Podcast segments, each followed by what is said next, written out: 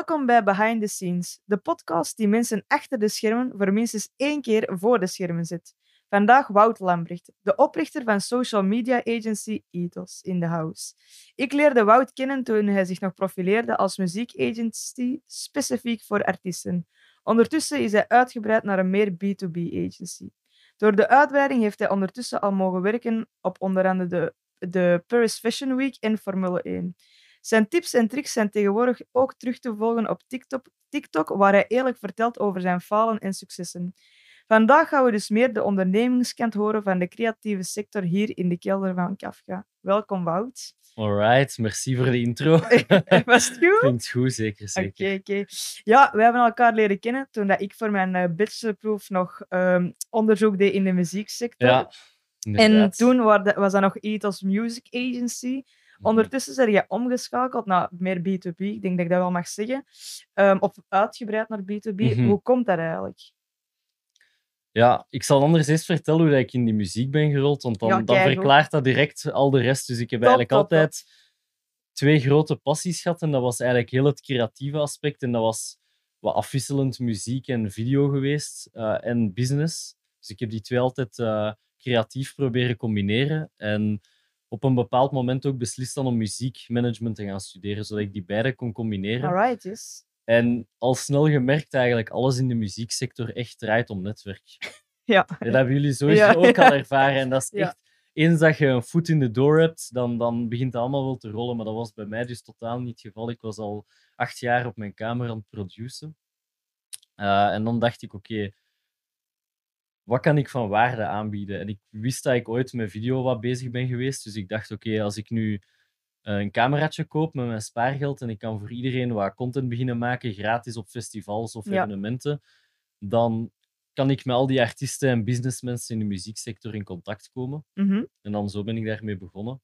Oké, dus je bent eigenlijk eh, ja, nog niet zo lang bezig met video dan.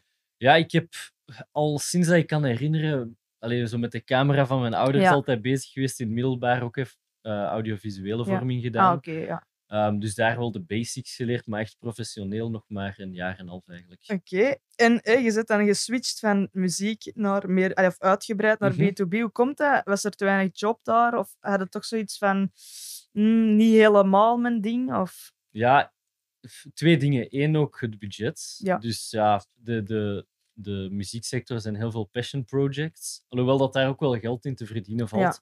Ehm, maar twee, ook de creativiteit. Dus veel evenementen filmen, dat is ook heel vaak hetzelfde. En vaak die commerciëlere jobs, die zorgden er ook voor dat er meer budget was. Waardoor we ook gewoon geld konden investeren om creatieve dingen in onze video's te smijten. Oké, want eh, je zou denken in de muzieksector, dat is heel creatief op zich al. Mhm. En B2B is dat minder. Heb je zo het gevoel dat je nog wel altijd creatief kunt zijn? Bij de opdrachten die je nu vooral doet? Ja, zeker. Ja? dat is echt een vraag die ik heel veel krijg, maar dat is eigenlijk echt totaal omgekeerd. Ja? Vaak voor een commercial, je krijgt altijd een visie van een klant, maar dat is bij artiesten ook zo. Die willen je ook hun eigen op een bepaalde manier in beeld brengen. Maar stel je voor, als je in de plaats van 500 euro voor een videootje voor een artiest ehm 10.000 euro krijgt, dan heb je ineens veel middelen om in te zetten op een speciale color grade, coole ehm, materialen Ja. te gaan gebruiken. Dus ik vind dat dat wel echt die creativiteit stimuleert. Ja, amai. Ja, cool. Ja, als, ik had altijd zo met B2B, dat ik dat, ja, dat was wel echt niet zo... Mijn, allee, ik doe dat wel, maar dat is minder mijn ding. Omdat die, die klanten waar je mee samenwerkt, die hebben ook heel hard een visie hoe dat Mhm. moet. En die zijn dan zo van, ja, dat creatieve... eh, Of je dan zo, als je iets probeert uit te leggen, Mhm. die snappen dat niet. Heb je dat ook niet? Dat je, zo, zo, dat je klanten heel veel moet begeleiden van we gaan dat zo en zo doen. Want hè, B2B, ik denk dat iedereen dat wel weet, er zit veel geld in. En je krijgt ook veel geld als je Mhm. daar werkt. Dus ondernemers, als die in iets investeren, zijn die wel zo van het moet wel echt zo zijn. Ja, ja. Ja, voor mij is dat ook wel een creatief proces om target-based te gaan werken. Van oké, dit bedrijf doet nu deze cijfers en die willen meer mensen gaan aantrekken. En we moeten daar content rond maken om dat waar te maken. Voor mij is heel die gedachte daarachter ook wel creatief. Oké. En als de, de intentie echt erachter is om hun te helpen en je biedt goede dingen aan, dan gaan die meestal wel akkoord met de Ja. inbreng die ik heb. Of zo. Ik heb nog niet vaak gehad dat klanten zo Dat moeilijk. een te harde visie eh, hebben. En ik heb ook al heel vaak klanten geweigerd. Zo. Ah, Als ik al in de meeting zit en die zijn zo van ja, het moet exact zo zijn Ja. en het is zo en zo en zo en ik ben er niet mee akkoord, dan, stop ik er ook direct mee, want de kans dat dat zo Dat gaat werken. een heel moeilijke samenwerking Ja. gaat zijn met heel veel hoofdpijn is echt wel groot. Oké, ja, dat is wel graaf dat je dat, eh, dat je dat kunt doen, dat je momenteel in de positie zit dat je dat kunt doen. Mhm. Ik heb dat wel van het begin al gedaan. Ja? Ja. Oké. ja. En hoe komt dat? Je hebt je al zo'n paar slechte ervaringen Ja. gehad? Met... Ja, en het gekke is ook wel van, ik probeer dan daar principieel in te zijn en soms heb ik dan al uitzonderingen gemaakt, ja, maar ik merk gewoon, ik heb dat van iemand geleerd waar ik ooit zo stage voor heb gedaan en die zei mij, oké, elke keer als je, als je gut feeling iets zegt, moet je daar naar luisteren. Ja. En ik heb daar nog zo vaak aan teruggedacht, elke keer als ik dan mijn gut feeling in een meeting zegt van, oké, die klant gaat u echt veel hoofdpijn geven. Dat is altijd zo ja, geweest, ja. oké. En, en hoe uitte zich dat dan? Waren er dan klanten die zo twintig keer zeiden, je moet dat herediten? Of stonden Ja. die bij de shoot mee op je handen te kijken? Zonder namen te noemen. Ja, zonder naam. Ik heb al letterlijk een eh, video afgeleverd van 30 seconden waar dat ik een eh, revisie kreeg bij elke seconde. Dus dat er bij elke seconde een puntje stond. eh, Echt? En, en wat staat daar dan van puntje? Ja, daar staat iets links achter in de achtergrond. Misschien kun je dat wegwerken, want dat ziet er wat rommelig uit. Ja, echt op Amai, en, wat, wat en als, eh, als je zo'n ding binnenkrijgt, wat, wat begin je dan te wenen? Of hoe voelt je dan op dat moment? Ja, als het niet gaat, dan gaat het niet Ja. en dan doe ik het niet. En als het wel gaat, dan, ja, dan, dan lossen we het gewoon op. Ja, maar dat is wel heel frustrerend, niet? Ja, is- maar ik, ik heb eigenlijk echt heel veel geluk met mijn klanten. Ja. Ik heb oké, chill. echt, ik kan echt, allee, ik denk dat ik misschien nog maar twee keer, een, of misschien één keer een klant van heb gehad dat echt lastig was of Ja. zo. En hoe doe, hij loste dat dan op? Je doet die, die, hè, dan, die feedback, hè, dat past het toe. Mhm. En is dat dan ene keer, of is het echt zo dat die dan vijf keer bij u staan van ja, toch, dat eh, Of, Ah, wel, principieel zeg ik altijd twee revisies. ja. Maar in de praktijk, ik wil ook echt het beste Ja, ervan ja. maken. Als ik, als ik zelf zeg van oké, ik ben er akkoord voor bijvoorbeeld dat klanten zeggen van kun je de muziek nog eens veranderen of zo. ja, en ik ben er niet mee akkoord, dan zeg ik ook van kijk, dit is de reden waarom ik dat heb gedaan. En als we het niet zo gaan doen, gaat het minder goed zijn om deze en deze Ja. reden. Dus we gaan dat niet doen. Uh, maar als dat dingen zijn dat ik makkelijk kan aanpassen, dan... en die heeft gelijk, dan doe ik het ook gewoon sowieso. cool. En eh, ehm, ja, uiteindelijk B2B, daar zit geld. Ik zag op je TikTok ook dat jij ehm, op een bepaald moment hadden jullie geen geld meer. ehm, en het laatste geld dat jullie gebruikt hebben om fritten te gaan kopen. Ik vond, dat, ja, ja. ik vond dat heel grappig. Is dat dan letterlijk dat jullie 0 euro op de rekening hadden en dat je dan zegt van oh shit, we moeten nu iets gaan ja, doen? dat was echt wel redelijk letterlijk. Ja, echt? ja, allee, ja, niet va- Je weet wel dat er dan wel nog facturen gaan binnenkomen, maar echt wel, dat was toen... Ja, want we hadden examens, dus ik kon niet heel de tijd filmen en ik heb ook mijn kosten daar lopen. Ja, en dat Ja. was toen hadden we... Ja, Ja, leg het eens uit. hè, ja ik wel, ja, we, we zaten, dat was met, met Björn, met wie Ja. ik het heb opgestart. We zaten op kot. En we zagen, we zagen van, oké, shit, ja, we hebben echt letterlijk geen geld meer. We hadden zojuist genoeg om frieten te gaan halen. en ik zei, oké, we gaan frieten halen en we gaan een plan bedenken. En dan hebben we daar echt een half uur gezeten en we zeiden, oké, wat kunnen we doen om meer klanten te Ja. krijgen? Je hebt zo de klassieke dingen dat worden aangeleerd, gelijk zo cold calling en zo, oké, dat hebben we nog nooit geprobeerd. En dan, oké, morgen gaan we niet naar school. En dan hebben we een hele dag, s ochtends tot s avonds, gewoon bedrijven opgebeld. En daar zijn uiteindelijk echt vijf meetings uitgekomen. En hoe werkt dat echt? Want eh, Glenn zei dat, en ik was het eh, een beetje aan het uitleggen waar ik ging vragen. En ik zag zo van cold calls, werkt dat echt? Want je hoort mensen dat zeggen van, ah ja, jij moet de bedrijven contacteren, Mhm. want haalde daar dan betaalde jobs uit? Want dan, in mijn hoofd is dat dan zo van, ah ja, die bellen mij, ja, doe maar, hè, maak maar een Mhm. video. Maar dan effectief geld investeren? Ja, dat werkt. Ja, Ja. echt? Er zijn twee aspecten, dus dat hangt er enerzijds af van welke service dat je levert. Als je kleine producten levert met niet zo'n grote kost, werkt dat heel goed. Met video al iets minder, omdat dat vaak over bedragen van 5000 euro gaat, 2000 euro. En dat is moeilijk om via de telefoon te verkopen, natuurlijk. Maar wat je verkoopt is niet je product, maar de meeting. Ja, Dus in die calls zit je en eh, probeert je eigenlijk hun te verkopen om met u eens aan tafel te zitten om hun eigenlijk face-to-face Ja. te gaan overtuigen. hoe, hoe heb je dat aangepakt? Echt gewoon gebeld en... eh, Ja, ondertussen heb ik daar wel wat cursussen Ja, ja. over gevolgd, daarover bijgeleerd, maar toen was dat echt letterlijk opbellen en echt gewoon zeveren. Ja, het, het is echt, want ik heb dat, we hebben dat toen gefilmd, omdat Echt? we dachten dat is grappig om terug te zien. Dat was echt slecht. Ja, ik ben eigenlijk echt verbaasd dat we nog iets eh, daar hebben uitgehaald. En, ja, je zegt dan, je hebt er vijf bedrijven ehm, uit kunnen halen Mhm. om mee aan de meeting te zitten. Hoeveel hebben er effectief eh, aan een... Heb je een opdracht voor mogen Eén. doen? Eentje? En dat was toen de grootste dat we ooit hadden gehad. Echt? Oké, ja. dat is wel nice. ja, maar ja, het is niet dat ons probleem opgelost was Nee, direct, nee. want die klant, we hebben dat dan vier maanden later gefilmd. Ja. En die betaling was dan ook nog, Ja, was uiteindelijk een half jaar nadat we hadden gebeld. ja. Maar gewoon die experience heeft mij wel iets doen inzien van oké, ik kon een dag op school zitten en bijleren, of ik kon alles wat ik die dag op school zou leren gewoon in één uur even doornemen met corona, die lessen Ja. versnellen, dubbel speed. Same, de hele dag gewoon rondbellen. Ja, En dan het vijf, echt gewoon op één dag bellen, het, een opdracht binnenhalen wat normaal een maandloon zou zijn. En dat heeft echt... Ik denk dat ik daarna niet zoveel meer naar school ben geweest. oké. nee. En hebben jullie eigenlijk veel gratis gewerkt? Of heb je al vanaf in het begin gezegd, dat hebben we nooit, dat hebben we niet gedaan? Ofwel? Heel veel. Heel veel gratis Echt gewerkt? Echt? Heel veel, ja.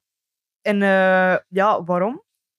Ja, omdat, omdat we geen portfolio hadden. Ja, Ja. waarom zou iemand ooit met ons werken? Ja, Ik, ik had die camera gekocht en het eerste wat ik had gedaan was: oké, als ik dat op drie jaar die camera wil terugverdienen, moet ik elke maand 100 euro aan opdrachten doen. Ja. Dat was echt belachelijk Ah, toen. Hè. Dat was worst case scenario. Ja.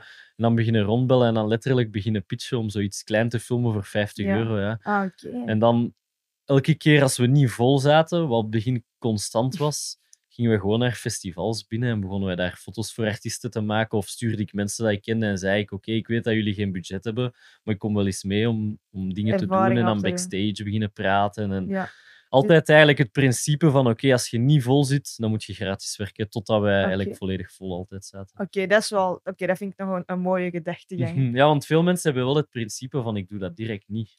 Dat Ja. ook een sterke visie, is Ja, ja. Het ding is, als je...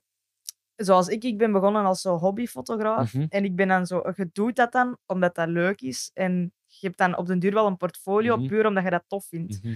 Maar vanaf dat dan zo mensen vragen van, ah ja, wilt jij shooten? Heb ik wel... Dat zijn geen grote bedragen. Zo. Van, Mhm. je bent super ontwetend in het begin. Als je al meer dan 15 euro per uur verdient, dat is al een goed betaalde studentenjob, zijn je Mhm. content. Ja, ja, ja. Dus, maar ik ben, ben eigenlijk direct beg- geld beginnen vragen, omdat je, ja, je hebt al, al iets aan portfolio, maar jij had dan Mhm. echt nog niet echt Ik had geen portfolio, ja. Oké. Dat was direct een business, dus... En was dat leuk om zo bij die festivals aan te werken en zo Mhm. achter de schermen? Want eigenlijk wat je dan doet, is je gaat er naartoe om te netwerken. Dat was echt de husselperiode. Ja. Dat is echt het allerleukste. Je hebt gewoon een visie en je hebt echt gewoon niks. Je maakt een plan, totaal onwetend. Oké, cool. Maar die hype is ook kei groot op dat moment. ja, want op de, ja, je gelooft... allee, Alle stakes zijn er, je hebt niks te Ja. verliezen. Je zet all in en dan eh, begint je gewoon te gaan. Ja, cool. En ik heb al een paar keer over eh, jullie gesproken. Je, zit dat, eh, Mhm. momenteel, je, hebt dat, je bent dat gestart met Bjorn. Mhm. En hoe is dat idee dan ook ontstaan met Bjorn? Was dat dat jullie alle twee, omdat Bjorn doet in muziek, Mhm. ehm, was dat dat hij zo zei van ik heb nood aan content en dat jij zei ja, ik wil dat wel proberen? Ja. Of was dat... Ja, dat was dat ook. En hij was heel diep in de marketingkant van de muzieksector. Dus ook eh, pitchen naar radio's, ehm, playlists, ehm, pers. En die had daar ook veel contacten in. Dus dan dachten we, oké, wat als we nu een totaalpakketje aanbieden? Want als jij als artiest in België goede content hebt en je ziet er goed uit en je pusht dat bij de juiste partners, dan ben je echt al voor op 90% van de beginnende artiesten. Ja. En ook al konden wij nog niet zoveel, dat was wel iets waar wij mee konden helpen toen. Ja, dat, want dat is echt zot, want hè, voor mijn bachelorproef, voor de mensen die het niet weten, ik heb ehm, ook gedaan social media bij artiesten, hè, hoe dat ze dat kunnen doen, dat was mijn onderzoeksvraag. Mhm. En ik zocht echt eh, agencies die enkel specifiek in artiesten waren, en dat bestaat amper hè, Ja. in België. Jullie waren volgens mij een van de enigsten in Vlaanderen. Ja, 5-0 in Brussel Ja, heb je ja, nog. Ja. die heb je. En dan heb je in, eh, ja, in Wallonië had je er ook wel een paar zitten. Dus dat is wel zot, want iedereen in de muzieksector zegt dat is echt een, een pijnpunt van artiesten, dat die Mhm. niet genoeg content hebben.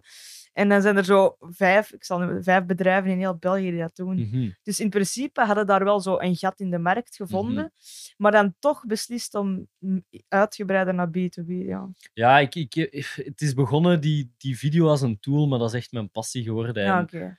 Ja, daar wou ik gewoon doen. meer impact mee hebben. Ja. En dat werkte ook gewoon keigoed. Want jullie doen nog altijd muziek. Allee, jullie werken nog wel in de ja. muzieksector. De focus ligt echt in de entertainmentsector. Brands verbinden met hun fans, dus dat zit echt Ja. Heel veel muziek. Want ik denk dat jullie nog voor Rome, de Rome, Ja, eh, ja. werken jullie nog. En dan Trix ook af en toe heb Ja, ik gezien. ja. Wat zijn zoal de leukste shows dat je daar hebt mogen filmen? Mm, Joey Badass was heel nice. Central C. Ja.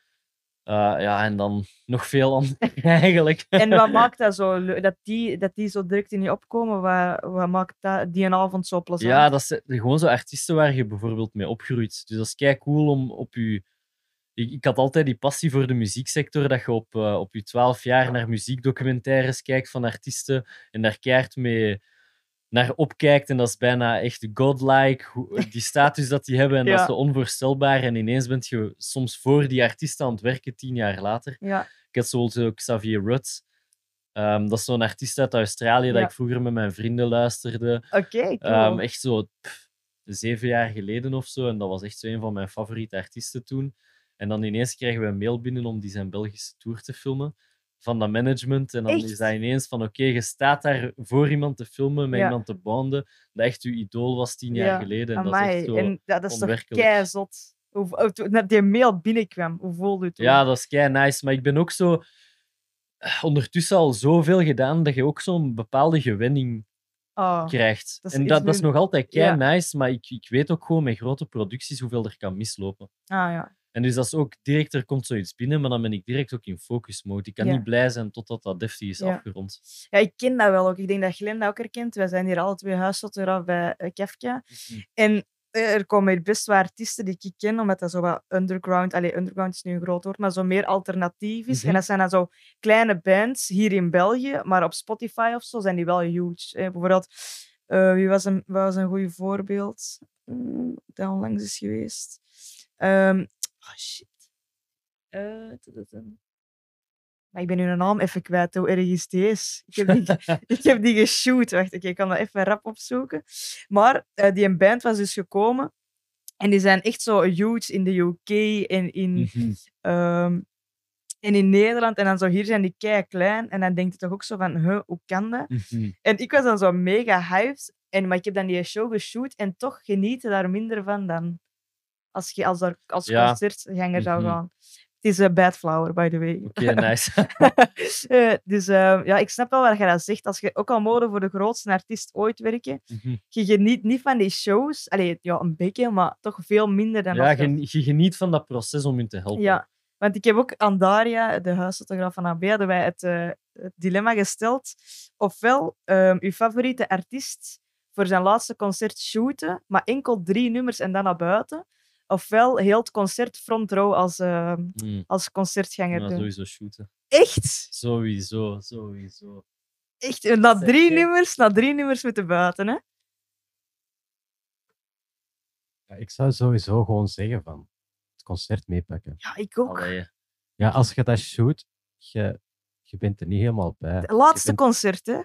Allerlaatste concert van die artiest. Sowieso shooten. Echt? Sowieso, maar ik, ik kan ook niet meer zo hard genieten van concerten. Ik zit zo hard in mijn, in mijn workflow. Ik denk dat we het laatste jaar echt wekelijks twee concerten of zo hebben geshoot, of, of evenementen. Ja. Ik zit echt in mijn element. En ook gewoon achter de camera staan, is die echt...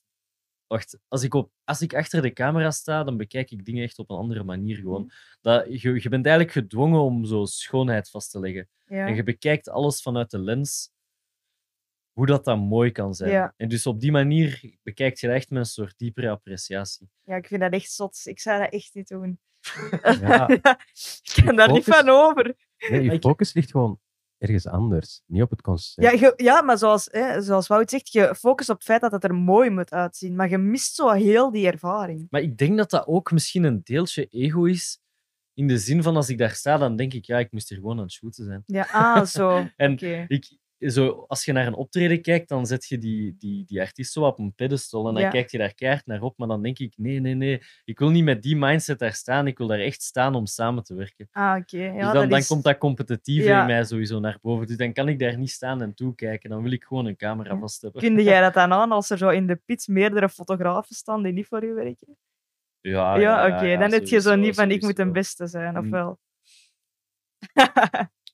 Met videografen, ehm, ik moet er even over nadenken. Ik heb sowieso, ik wil altijd gewoon het best mogelijke leveren, dus dat betekent ook beter zijn dan andere Ja. mensen. Maar ik, ik leer ook wel veel van andere mensen bezig te zien. Oké, cool. En hoopt je ooit daar terug eigenlijk fulltime voor te gaan voor muziek? Of zeg je van de combo nu is goed? Nee, nee, ik zit echt, eh, ik zit echt eh, Goed. goed nu, ja. Oké, top. En eh, van der juist je, hebt- je hebt ehm, muziekproductie gestudeerd of Mhm. producer. Ja. En je bent ook op stage geweest in Parijs. Was Mhm. dat voor die studie? Ja, ja. En, Nee, wacht, nee, ik heb even, ik heb een jaar muziekproductie gedaan Ja. en dan ben ik gestopt en heb ik muziekmanagement Ah, beginnen oké. doen. Ja. en daarvoor heb je die stage ja, gedaan in exact, Parijs. ja. En wat moest je daar juist doen? Dat was eigenlijk begonnen met iemand aan Facebook post had gezet over dat hij een eigen label ging opstarten. En dat bleek dan de ENR van Sony Frankrijk te zijn. Sony Music Ja. Publishing.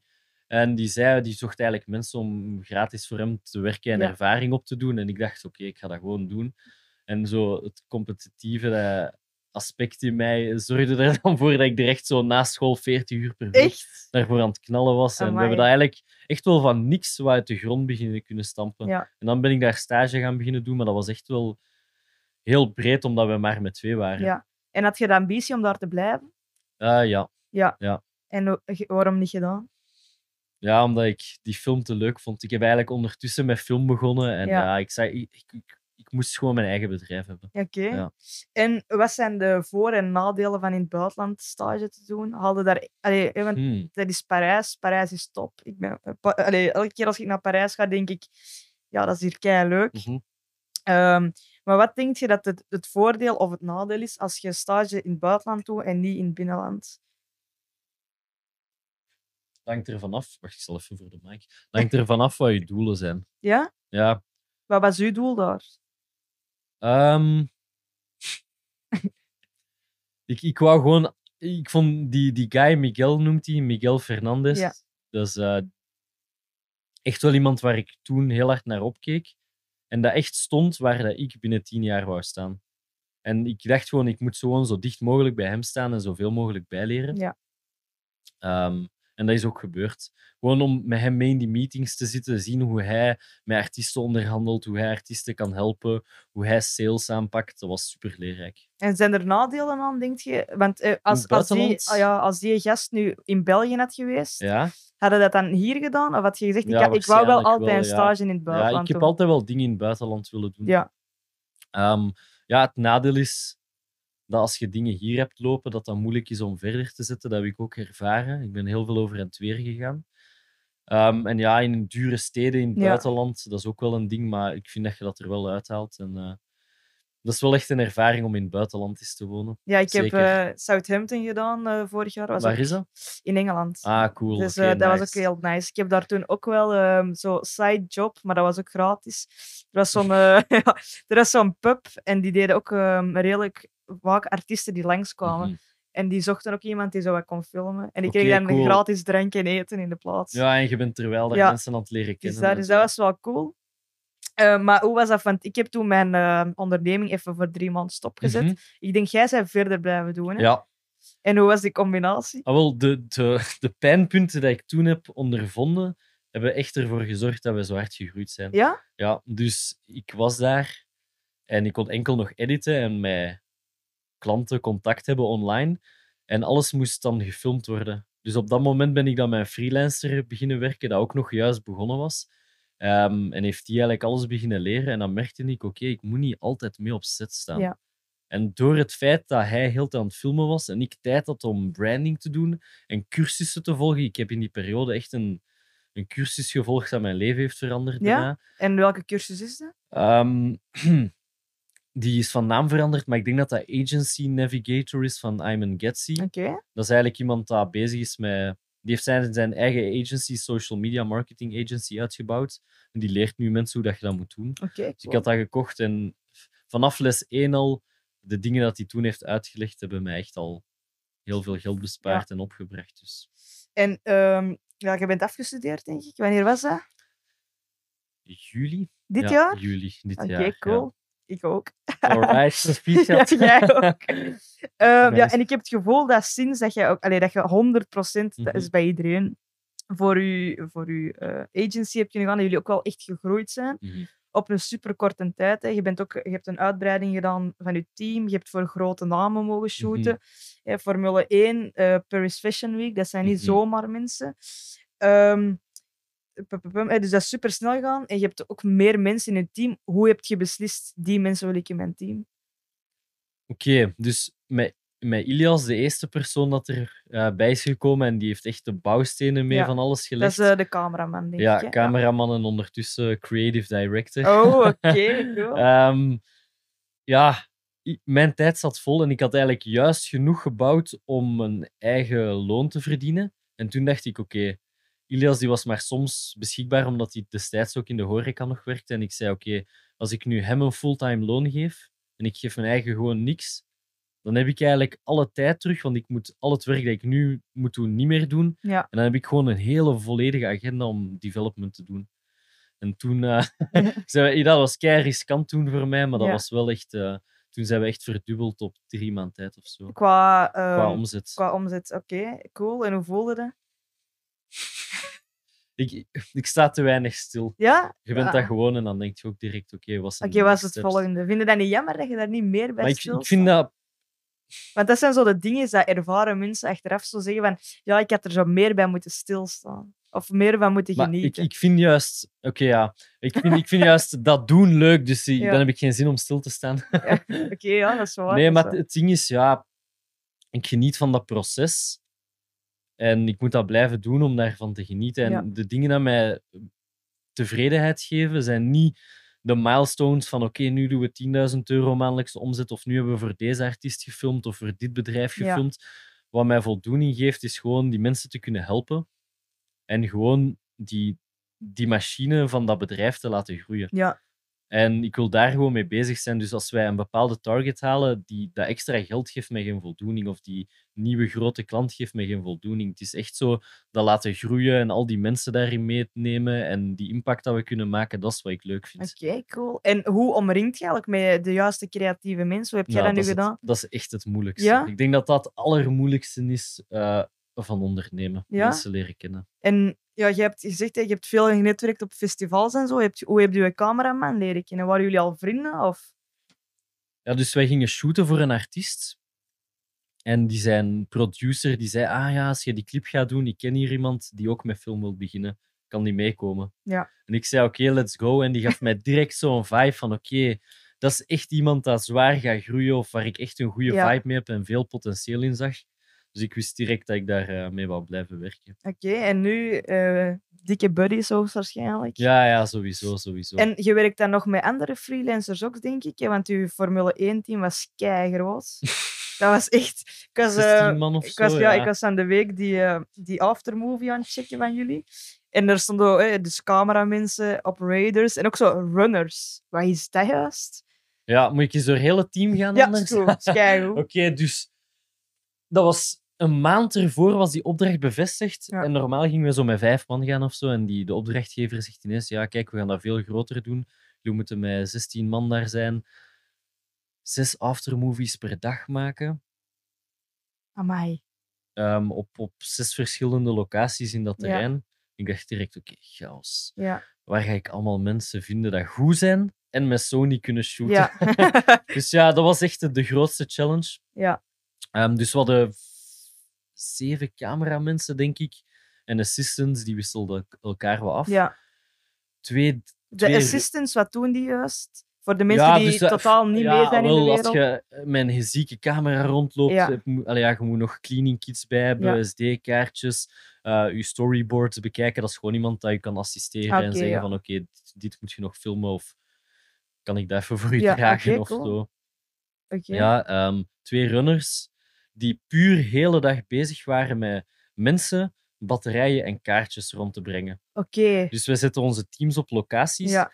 En dan hadden we de, de control room, waar dat wij de editors hadden. En die persoon ging gewoon de hele dag over en weer met een busje of met een, eh, met een brommer om eh, alles rond te brengen. Amai. Ja. Dat is wel... En wat heb, wat heb jij exact gaan coördineren of heb jij meegefilmd? Problemen oplossen. Problemen oplossen. Dus, ja, en dan had ik eh, dus de twee editors. Ja. En dan had ik nog ehm, een projectmanager. Dat dus bezig was met alle planningen, alles in de gaten te houden. Ehm, en ik, ik dacht dat ik nog veel ging doen. Ja. Dus Nee. eerlijk gezegd, ik, kon zelfs, ik had geen tijd om berichten te sturen. Dus ik zat echt achter mijn bureau daar zo vast. En dan, oké, vanaf dat de ochtend begon, kwam de chaos naar mij. Want allee, dat was een beetje schaken in 3D. Ja. Dus we hadden verschillende locaties Ja. Waarin vijf verschillende teams moesten switchen. Dat allemaal bepaalde skills hadden met bepaalde soorten materialen. Ja. Dat op bepaalde uren op die locaties gingen moeten zijn. Ja. En op bepaalde uren werden veel doorgangen geblokkeerd. Oh, Dus amai. daar maakten we een planning voor. Dat was super complex, met echt. Waar we een hele dag aan bezig waren. Plus toen ontdekten wij het feit dat de planning van F1 elk uur werd veranderd. Dus ik zat daar gewoon in de ochtend en we zeiden: Oké, we gaan beginnen, we gaan dit doen. Deze persoon doet dat. Zo gaan we deze aanpakken. Heeft iemand suggesties? Wat vinden jullie ervan? Is iedereen tevreden? Oké, let's go. En dan vanaf de start beginnen er dingen mis te lopen. En dan ben ik gewoon naar de planning aan het kijken. Oké, hoe kunnen we deze oplossen? En dan was dat echt oké tegen Jasmijn, de projectmanager, oké, stuur niet nu naar daar, doe deze, deze, dat. Maar zij heel tijd aan het rondbellen. En echt op een bepaald moment, ik was gewoon drie dagen daarin, Ehm trad Loik daar ook op, toevallig. Ehm, en ik was even gaan kijken, tien minuten, en ik ben naar buiten en ik had 80 ongelezen berichten. Dus dat was echt drie dagen lang die chaos. En dat was elke dag van vijf uur s ochtends tot één uur s'nachts werken of zo. Zes aftermovies per dag. Dat is ook wel ja, zot, ja, zes, ja, we hadden in totaal acht stuk of achttien gemaakt. Ja. En hoe, hoe zijn die mensen nou bij jullie eh, gekomen? Ehm, dus dat was eigenlijk een kennis via vrienden Mhm. Dat een agency heeft dat voor F1 alles qua entertainment en experience die dus die bouwt dat is 555 management dus die bouwen de stages ehm, die doen de, op, de, de performances daar de eetkraampjes en eh, we, die, die hadden daar al vaak mee gewerkt en die, dus die geloofden er echt wel in en die Ja. had ons altijd moeilijkere opdrachten Ah, gegeven. Maar ik had toen niet door dat hij ons van het testen was. Maar dus die gaf ons zo echt kleine opdrachtjes als investment eigenlijk. Ja. Dus die liet ons altijd moeilijkere en moeilijkere dingen Ja. doen, grotere projecten. Op een bepaald moment zegt hij, oké, kunt je F1 komen filmen? En eh, dat heb je dan gedaan. En, die 16 man, hoe heb je dat bepaald? Want allee, het ding is, op zo'n opdracht er niet echt voorbereid. Hè. Zoals Mhm. gezegd, alles verandert last minute. ja, echt gut feeling. Ja, Weer al, dat is echt weer Ja. een rode lijn dat terugkomt. Met iedereen gebeld. Niet iedereen was even ervaren, maar gewoon mensen waarvan ik wist dat, dat die echt dat die dat kunnen. 100% effort gingen Ja. leggen. Ja.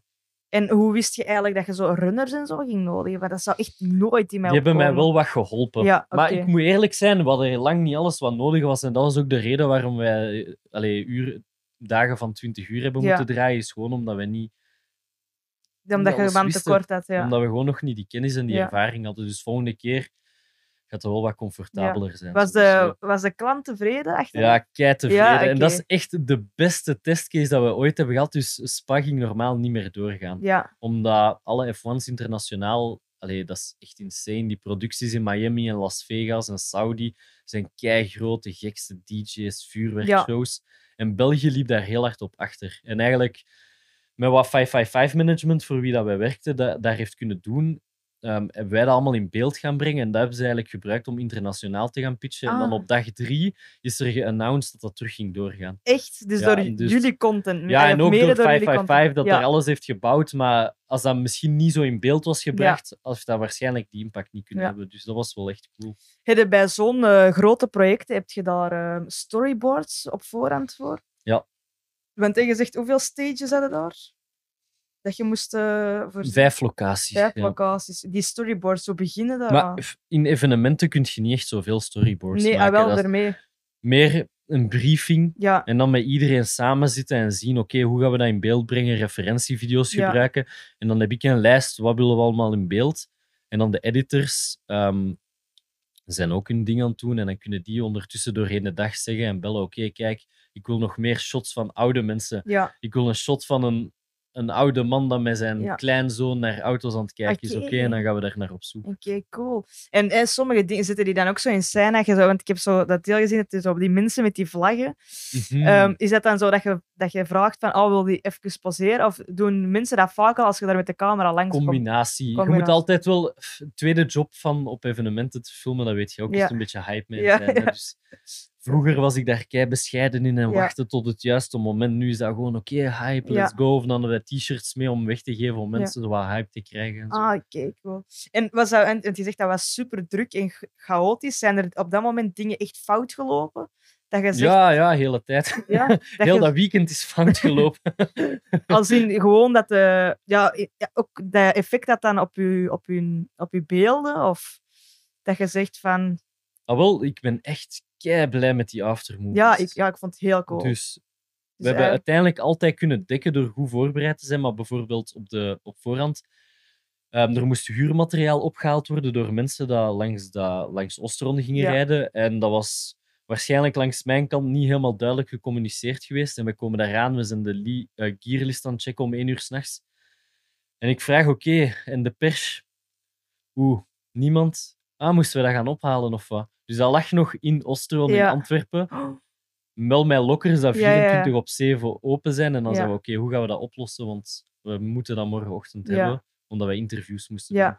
En hoe heb je dat opgelost? Oké, iedereen 300 euro budget. Of wat zei ik? Ik was echt in paniek. Ja. 500 euro voor eh, de persoon dat nu naar hier rijdt. Iedereen bel nu, Echt? iedereen dat je kent. En dan, ja, uiteindelijk is er iemand dan om twee uur s'nachts nog eh, langs Antwerpen naar Spa gereden en terug. Amai, dat is wel wild. Maar dat was direct de goede toon Ja. voor dat weekend, want ik dacht echt, fuck, dit gaat nooit goed komen. Ja. Om dan die bevestiging te hebben, oké, alle problemen kunnen opgelost worden. Dat was direct wel een goede mindset. Hoeveel uur slaap had jij toen dat je daar... Ja, ah, wel, ik was daar al van maandag. ja, En het was vrijdag, zaterdag, zondag. Ja. En ik heb echt de hele week gemiddeld vier à drie uur geslapen. Ja. kun je dan nog... Ga jij dan in zo... Ik heb dat dan, als ik slaaptekort heb, ga ik echt in zo'n hyperfocus. Mhm. En bij mij marcheert dat voor een dag, misschien twee dagen, maar jij hebt een hele week zo... ja, maar dat begin was nog de opwarming. Ja, Dus ik kan wel goed tegen weinig slapen, oké. maar ik dacht nog dat ik scherp was. En ik kon alles nog goed fixen, maar Ja. als ik beelden achteraf terugzie, Ja. want we hadden behind the scenes, Ja. van ik dan aan het praten ben, merk ik echt Oh van, nee, amai, gaat zo slow-mo praten. nee, niet slow-mo, gewoon echt... Ja, gewoon echt in een andere mindspace. In een soort van laserfocus, want je lichaam bespaart alle energie in dat en niks in iets anders. En hoe heb jij... Want je team zal waarschijnlijk ook niet veel geslapen hebben. Nee, nee, en, nee, en, zeker En niet. hoe heb jij die toch zo wat gemotiveerd of zo kunnen Maar iedereen, we wisten, oké, als we dit goed doen, kunnen we er volgend jaar staan, kunnen we misschien Ja. internationale projecten binnenhalen. Dat was voor iedereen, denk ik, daar de grootste opdracht dat wij ooit hadden gedaan. Ja. Dus ja, dat was gewoon zo cool dat we dat echt kei goed houden doen. Want was het, eh, je, je hebt het kei druk gehad, maar zo, toch, allee, was dat leuk? Ja, ah, dat was Of heb echt je geweldig. zoiets- Dat was het Ja? beste weekend van mijn leven. Sowieso. Ja, Oké, echt cool. insane. Maar dat was ook wel heel stressy. Alhoewel, toen voelde dat niet als stress, Nee. dat was puur adrenaline. Ja. Gewoon. Ik ben echt op een week eh, vijf kilo vermagerd of zo, vier kilo. Ja.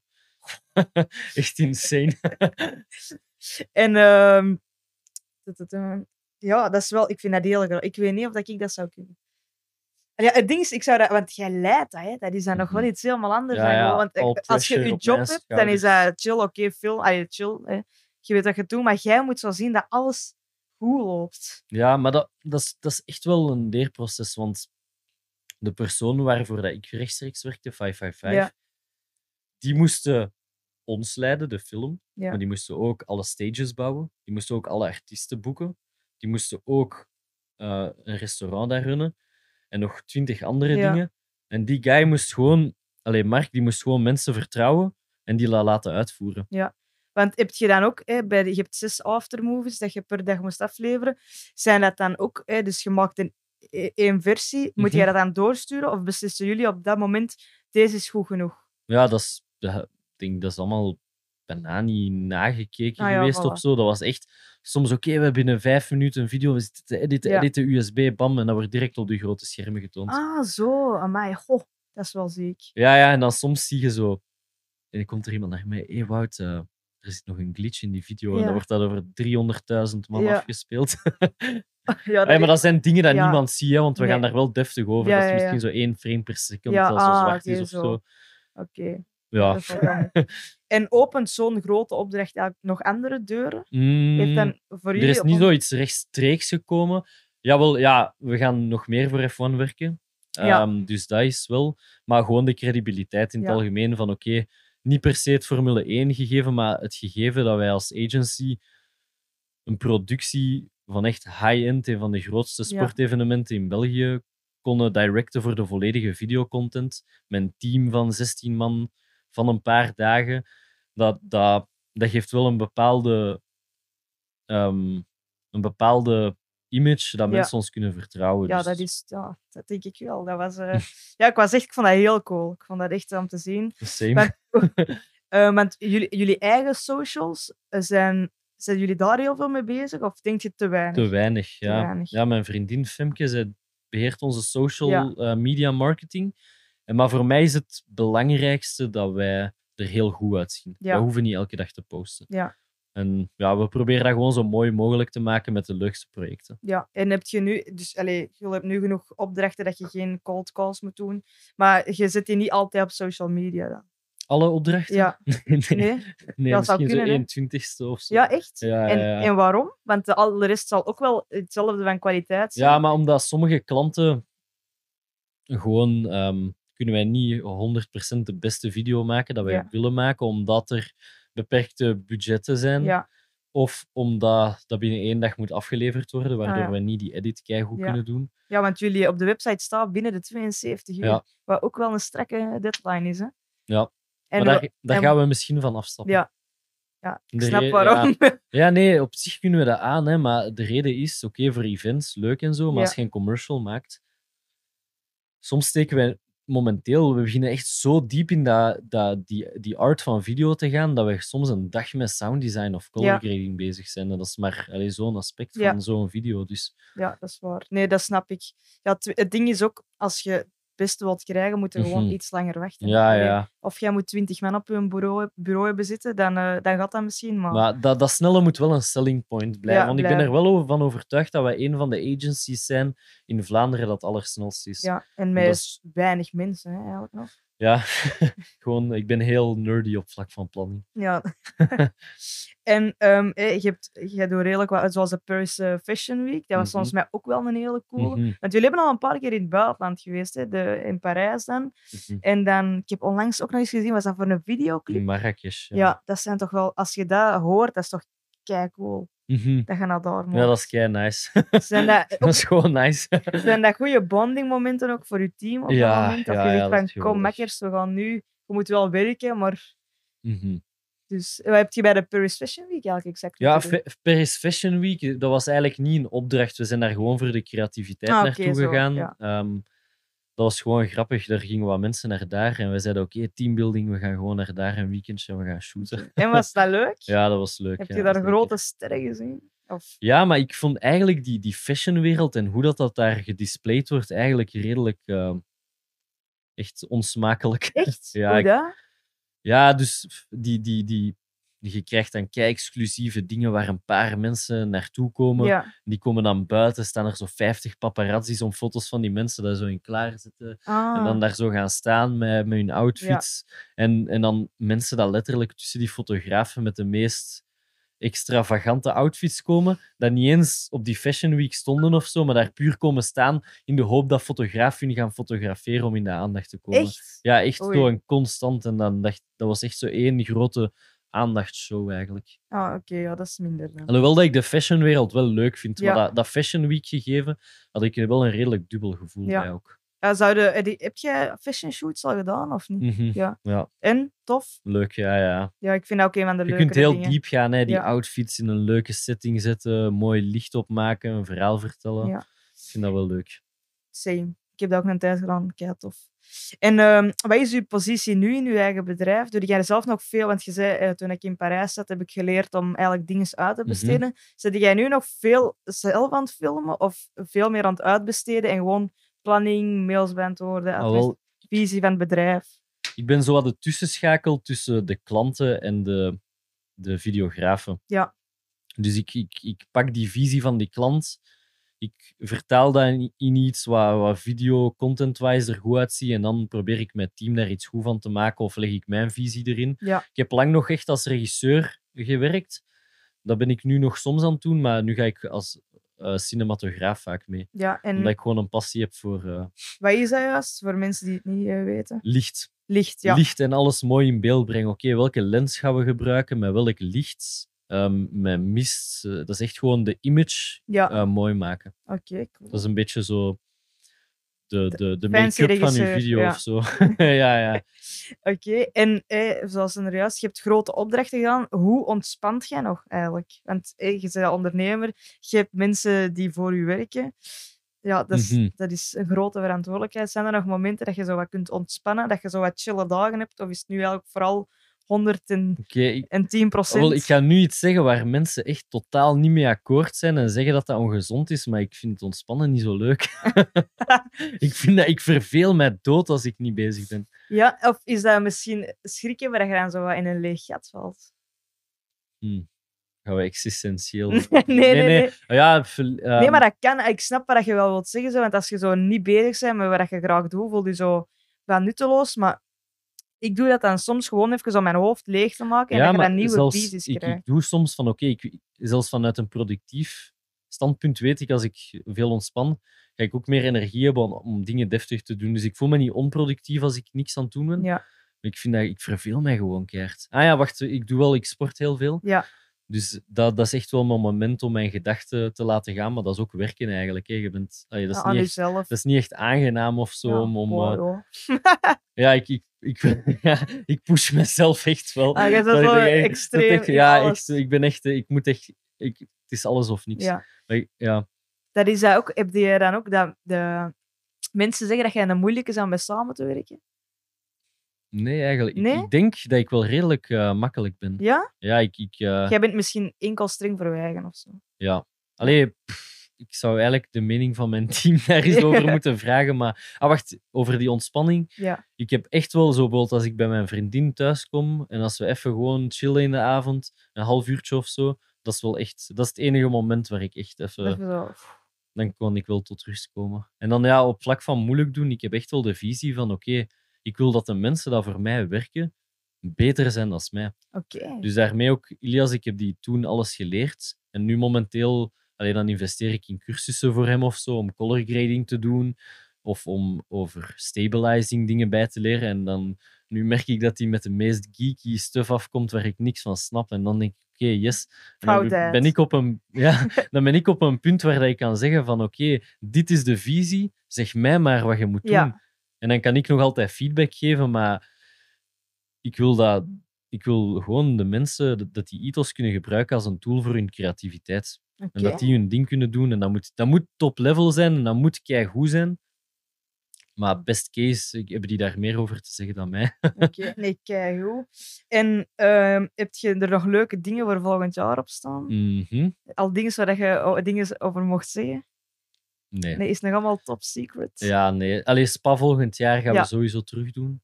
En de rest is... Allee, alle leuke dingen van volgend jaar eh, zijn nog niet... eh, daar zijn de onderhandelingen nog Oké, niet is volledig goed. van rond. Alright, dan zou ik zeggen heel veel succes eh, met al de onderhandelingen. Mhm. Keihard merci om af te komen. Eh, merci aan iedereen die geluisterd heeft en ge- of gekeken heeft. En dankjewel, Kafka, dat wij deze ruimte mogen gebruiken. See you later! Yes, bye.